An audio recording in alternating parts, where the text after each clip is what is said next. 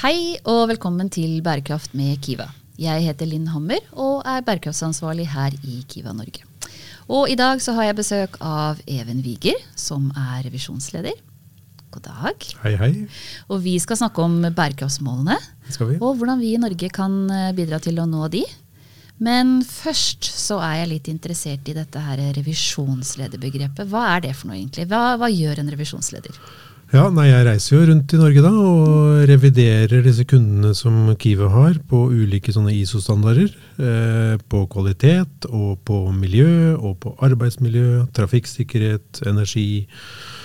Så det er veldig spennende og veldig lærerikt. Det er masse flinke folk i Norge. Så det er, det er, en, det er nesten et lite sånn privilegie å revidere selskaper. Det betyr at eh, de har satt seg som mål at de skal følge en viss standard. Og så kommer vi inn og så ser vi gjør dere det, eller gjør dere det ikke. Helt riktig. Ja. Sånn er det. Og når du reviderer på så mange områder, så tenker jeg kanskje at du må ha litt bred bakgrunn, da. Ja, jeg håper vel at jeg kan si at jeg har en ganske stor bredde. Jeg er jo egentlig litt sånn bygg- og anleggsfyr. Jeg starta der etter militæret, da jeg gikk et halvt år arbeidsledig. Og så fikk jeg jobb der som sånn prosjektlederassistent i et selskap på Kongsvinger. Og så var jeg der i 17 år, tror jeg. Og da slutta jeg som dagleder. Eh, så det var jo en fin reise. Og så har jeg jobba i utlandet, jeg har vært sjølstendig, jeg har jobba for kommuner, jeg har jobba for fylker. Eh, jeg har vært mye involvert i bilindustrirelatert virksomhet i utlandet. Reist mye egentlig over hele verden. Så, så jeg tror jeg har en sånn ålreit bredde, da, uten å være skrytete. Ja, Det høres jo sånn ut. Eh, og så har du et brennende engasjement for bærekraftsmålene. Ja, jeg syns de er viktige da, fordi at det er det mest konkrete som jeg tror på en måte vi kan forholde oss til, som, som skal være et bidrag i den, den, store kampen mot klimaendringer. Og da tror jeg det er lurt å forholde seg til de, da. Mm. Og så har du gjort noe som jeg syns er, er, veldig spennende for bærekraftsmålene. En del av hensikten der er at vi skal på en måte ta målene innover oss. Og så skal vi se litt på hva slags ressurser og kompetanse er det vi har. Og hvordan kan vi løfte det opp og bidra liksom både lokalt, men også kanskje regionalt og internasjonalt. Ja. Og der har jo du tatt en rolle også internasjonalt. Ja, har jo, det har jo blitt litt sånn uh, av tilfeldigheter, men jeg har jo havna inn i et system som gjør at jeg har vært vært eh, knytta til FN. Jeg har sittet i arbeidsgrupper i FN. Jeg har eh, som sagt reist mye, vært på mye seminarer, og jeg har vært innom folk som har jobba med OL i London. Og som sagt, jeg har lært veldig mye av det på kryss og tvers, som egentlig ikke bare handler om sport og store organisasjoner, men, men litt sånn hvordan vi får dette her til å bli litt sånn jordnært og se litt annerledes på det og få liksom åpne perspektiver. Da. Så jeg har vært veldig heldig der. Mm. Og da har du også jobbet med standardiseringsarbeid? Det har jeg også gjort. Mm. Jeg har uh, eh, utvikla noen sånne sertifiseringsprogrammer for, som gjelder også internasjonalt. Så, så, så, så, summen av dette her da, tilsier vel at jeg tør å si at uh, jeg, jeg, har, jeg, har vel litt sånn perspektiver som går utover Norges grenser, da, for å si det sånn. Ja. Og hvis vi da ser på AS Norge og eh, bærekraftsmålene, ja. ja. hvordan ligger vi an, syns du? Nei, jeg, eh, altså Det er et veldig stort spørsmål. Jeg kan ikke egentlig mene så veldig mye om, no hvordan Norge ligger an. Det som jeg tror på en måte er bra i Norge, det er at det er ganske mange som er pålest, det er ganske mange som vet at vi har bærekraftsmål. Mm. Det er jo ikke så mange land som, hvor alle vet det, men det tror jeg veldig mange vet i Norge. At, vi, at det er noe som heter bærekraftsmål, og det er jo et viktig skritt i seg sjøl. Mm. Og så er det noen, eller kanskje en del, som vet mer om noen mål enn andre mål. Eh, og så er det jo noen mål som handler om kanskje fattigdom eller andre ting, som i hvert fall de kundene vi reviderer, ikke har så stort forhold til. Mm. Eh, mens kanskje dette med utdanning og kompetanse, klimaendringer, rent vann og sånne ting, så er, så er det hva skal jeg si, en større oppdatering og en, en mer kunnskapsrik base der ute. Da, som, som, gjør at vi Jeg tror vi er egentlig ganske flinke, og så handler det kanskje mer om å ta, tørre å ta de store beslutningene. Og de tror jeg ikke vi har kommet ennå. Nei. Og mener, Hva mener du med det, å ta de store beslutningene? Hvordan kan virksomheter ta dette ned i sin virksomhet? Nei, Det er jo veldig vanskelig, for det er, det er så stort bilde, og du har flere forhold som spiller sammen. F.eks. hvis et selskap skulle gå veldig langt mm. og ta noen tøffe beslutninger eh, og si at vi skal kutte utslipp med 50% eller hva det måtte være, så er jo de en konkurranse med en konkurrent Ja. som kanskje ikke tar den beslutningen. Og da er det litt tøft å ta den alene. Ja. Og Derfor så trenger vi noen piloter og noen som går foran og viser litt vei og tar litt ansvar, og litt sånne ting, både i næringslivet og i politikken. Ja. Har du noen eksempler på noen sånne piloter? Ja, altså jeg har jo revidert en del selskaper som, som jeg syns er veldig flinke. Eh, og som sagt, eh, akkurat på bærekraft så har vi jo i Norge en litt sånn tradisjon hos noen selskaper i hvert fall, for å lage bærekraftsrapporter. Og de ligger jo åpne på, på stort sett på alle de hjemmesidene til de selskapene. Så tror ikke jeg skal trekke fram enkelte navn, men, men som sagt, det er mange som er flinke til å lage bærekraftsrapporter som beskriver hvordan de jobber med disse bærekraftsmåla. Og det er jo en god start, bare det. Ja. Og eh, som du sier, så kan det være veldig vanskelig. Dette er jo store greier. Eh, Det kan være vanskelig å skjønne hva man kan bidra med. Men er det noen verktøy vi kan bruke? Vil, altså vi har jo snakker jo liksom om revidering og standardisering og systematisering. Ja.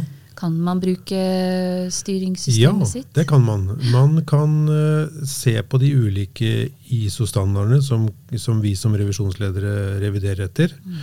Hver ISO-standard har utvikla et system som gjør at du kan klikke på standarden, og da kommer det opp hvilke bærekraftsmål denne standarden refererer seg til. Og Det betyr at denne kvalitetsstandarden refererer seg til noen bærekraftsmål. Miljøstandarden 14001 eh, relaterer seg til veldig mange mål. Arbeidsmiljøstandarden gjør det, trafikksikkerhet gjør det, energi gjør det helt sikkert. Så det er på en måte en veldig sånn enkel øvelse å gå inn på ISO-standarder og se hvilke bærekraftsmål de bidrar til. For det betyr jo at hvis du blir revidert i henhold til disse standardene, eller er sertifisert i henhold til disse standardene, så jobber du faktisk med noen av bærekraftsmålene. Ja. Så da handler det egentlig bare om å skjønne det. Og Ja. ta det inn over seg. Bare det er en liten treningsøvelse. Ja. Eh, og det er, ikke alle, det er ikke så mange som vi reviderer som er kjent med det, men det, det står på ISO sine hjemmesider, og det er på en måte åpen, men det er litt sånn trening og opplæring for å finne ut at sånn er det faktisk. Mm. Og så Jeg opplever i hvert fall at det er mange som tenker at, de må, at bærekraftsmålsarbeidet det er noe som skjer på siden av virksomheten. Ja. Har du fått den samme oppfattelsen? Mm, Både ja og nei, kanskje. Det er jo ulike selskaper og sikkert eh, institusjoner og organisasjoner som har bærekraftsavdelinger og bærekraftsfolk. Men f.eks. hvis du tar en bygg- og anleggsbedrift da, som jeg reviderer, så har de f.eks. lærlinger. Mm. har programmer på det. De kan ha programmer på drop-out i skolen og litt sånne ting. Og alt det går liksom rett inn i bærekraftsmål nummer fire, som er utdanning. Så det, det kan konverteres til enkle grep hvis man vil. Ja. Og det må ikke være liksom bærekraftsavdelinger for å jobbe med lærlinger. Nei, det må Så, ikke. så det må bli opp til hver enkelt å finne liksom sin metodikk. Da. Mm. Og så var du inne på dette med rapportering. Det er jo mange tall, mange beskrivelser av hvordan man jobber, som skal inn i disse bærekraftsrapportene, og flere kommer. Flere krav kommer. Um, men eh, men vi, vi har jo en god del data allerede. Det har vi, eh, som sagt. Og det er, det er kanskje noe med at eh, de som kan mye om bærekraft, og de som jobber med bærekraft og vil posisjonere seg gjennom et bærekraftsperspektiv, bruker kanskje litt sånn, eller overtenker litt på hvor komplisert det kan være. Man kan liksom ta, samle litt uh, fakturakopier på søppel, og man kan samle litt fakturakopier på energibruk og drivstoff, og litt sånne ting, så har man plutselig et, litt, et slags klimaregnskap. Og så må man kanskje søke litt hjelp for å pakke dette her inn i et sånt rapporteringsregime som snart kommer øh, ovenfra, både til oss som privatpersoner og til alle institusjoner og selskaper. jeg. Det har begynt å komme på de helt store. Ja, ja. Så, så, øh, men som sagt, er vi litt flinke på å tenke ut hva vi gjør og hvordan vi samler den informasjonen, så har vi egentlig et lite sånt klimaregnskap ganske lett tilgjengelig, tror jeg. Mm. Og så Vi snakket litt sammen på forhånd, så du har jo sagt også at uh, her i Norge så har vi også en fordel, fordi vi har en del regelverk fra før Ja. som hjelper oss litt. Kan du si litt om Yes. Nei, altså jeg har vel ment da med at jeg har reist ganske mye og så sett, så, så vet jeg f.eks. at eh, vi har jo både arbeidsmiljøloven og vi har internkontrollforskriften i Norge. Mm. Og det er vel sikkert tilsvarende system i hele Skandinavia, vil jeg tro, som gjør at det er litt sånn, som man sier på svensk, ordning og reda Ja. eh, i, i mange kroker og krikker, som gjør at eh, vi følger Ved å være litt flinke, så følger vi på en måte litt sånn intensjonen i noen av disse bærekraftsmålene bare ved å være norsk, egentlig, eller skandinavisk. Og det er jo en, en fordel som jeg tror på en måte kanskje ikke alle tenker så mye over og tar det litt sånn for gitt at det, sånn er det. Men hadde de satt seg inn i hvordan dette påvirker sin eget, altså sitt eget bidrag inn i bærekraftsmåla, så hadde det, jeg tror flere hadde slått seg på brystet og sagt at oi, det var litt kult. Ja, faktisk. ikke sant? Ja. Ja. Og det er jo, i hvert fall så har jeg opplevd at, at selskaper har liksom skjønt at å ja, men vi, vi har jo HMS-tall.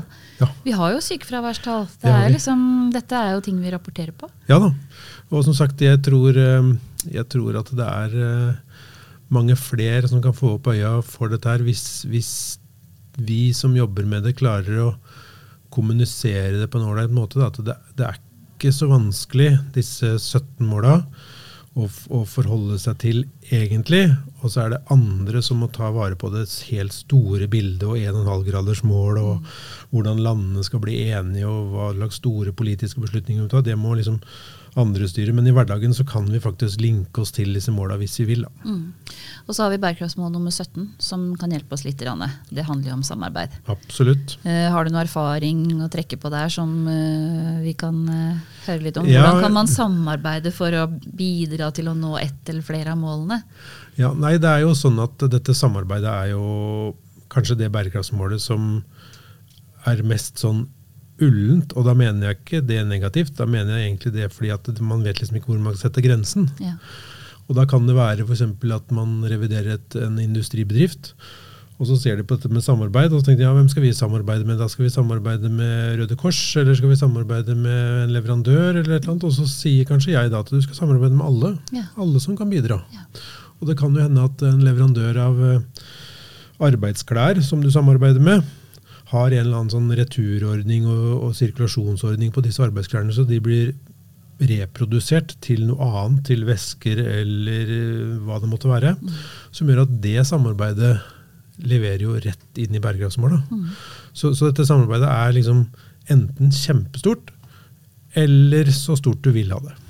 Og så er det jo ganske mye innovasjonskraft i sånne samarbeids... eh, Det er det også. Og det er eh, mange offentlige intensiver, det er pengestøtteordninger, det er innovasjonsclustere, det er på en måte Altså Har du gode ideer og gode prosjekter, så tror jeg du får, i hvert fall i Norge, den støtte og hjelp du trenger for å prøve å si, få ut dette live og se om det faktisk eh, er bærekraftig som idé. da. mm. Eh, det er 17 bærekraftsmål. Eh, har du noen favoritter? det er kanskje vanskelig å svare på. Nei, jeg vet ikke om jeg har noen favoritter. Ja. Det, er, eh, det er noen som går igjen, og dette, dette, dette bærekraftsmål nummer fire, da, som er utdanning, som i hvert fall i dag jeg reviderer sånn daglig, så det, det går liksom litt inn i sånn lærlinger og kompetansebygging og kursing og litt sånne ting. Det er um, Ja, vi har Hva skal vi si? Likestilling. Mm. Um, bærekraftige byer og samfunn. Mindre ulikhet. Innovasjon og infrastruktur. Vi kan jo lese opp alle, arbeid. egentlig. Ja, jeg kan egentlig lese opp alle.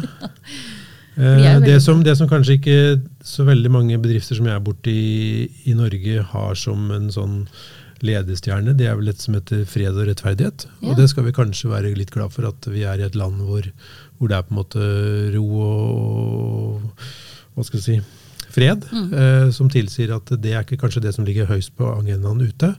Men allikevel så kan man være borti eller ha leverandører eller ha samarbeid som gjør at eh, noen leverandører har kjøpt varer og materialer som kommer fra Ukraina, kanskje. Så da plutselig så er man inne i det. Ja. Så man vet ikke. Det er lengst om bare å være litt pålest og følge med, så, så plutselig, plutselig så er man der. Ja. Det høres ut som du har en veldig spennende jobb. Ja, en kjempespennende jobb. Mm. Det er veldig, som sagt, Jeg åpner med å si at jeg er litt privilegert som revisjonsleder og lærer veldig mye av veldig mye flinke folk ute. Even, tusen takk for at du tok turen til Bærekraft med Kiva. Bare hyggelig. Takk for nå.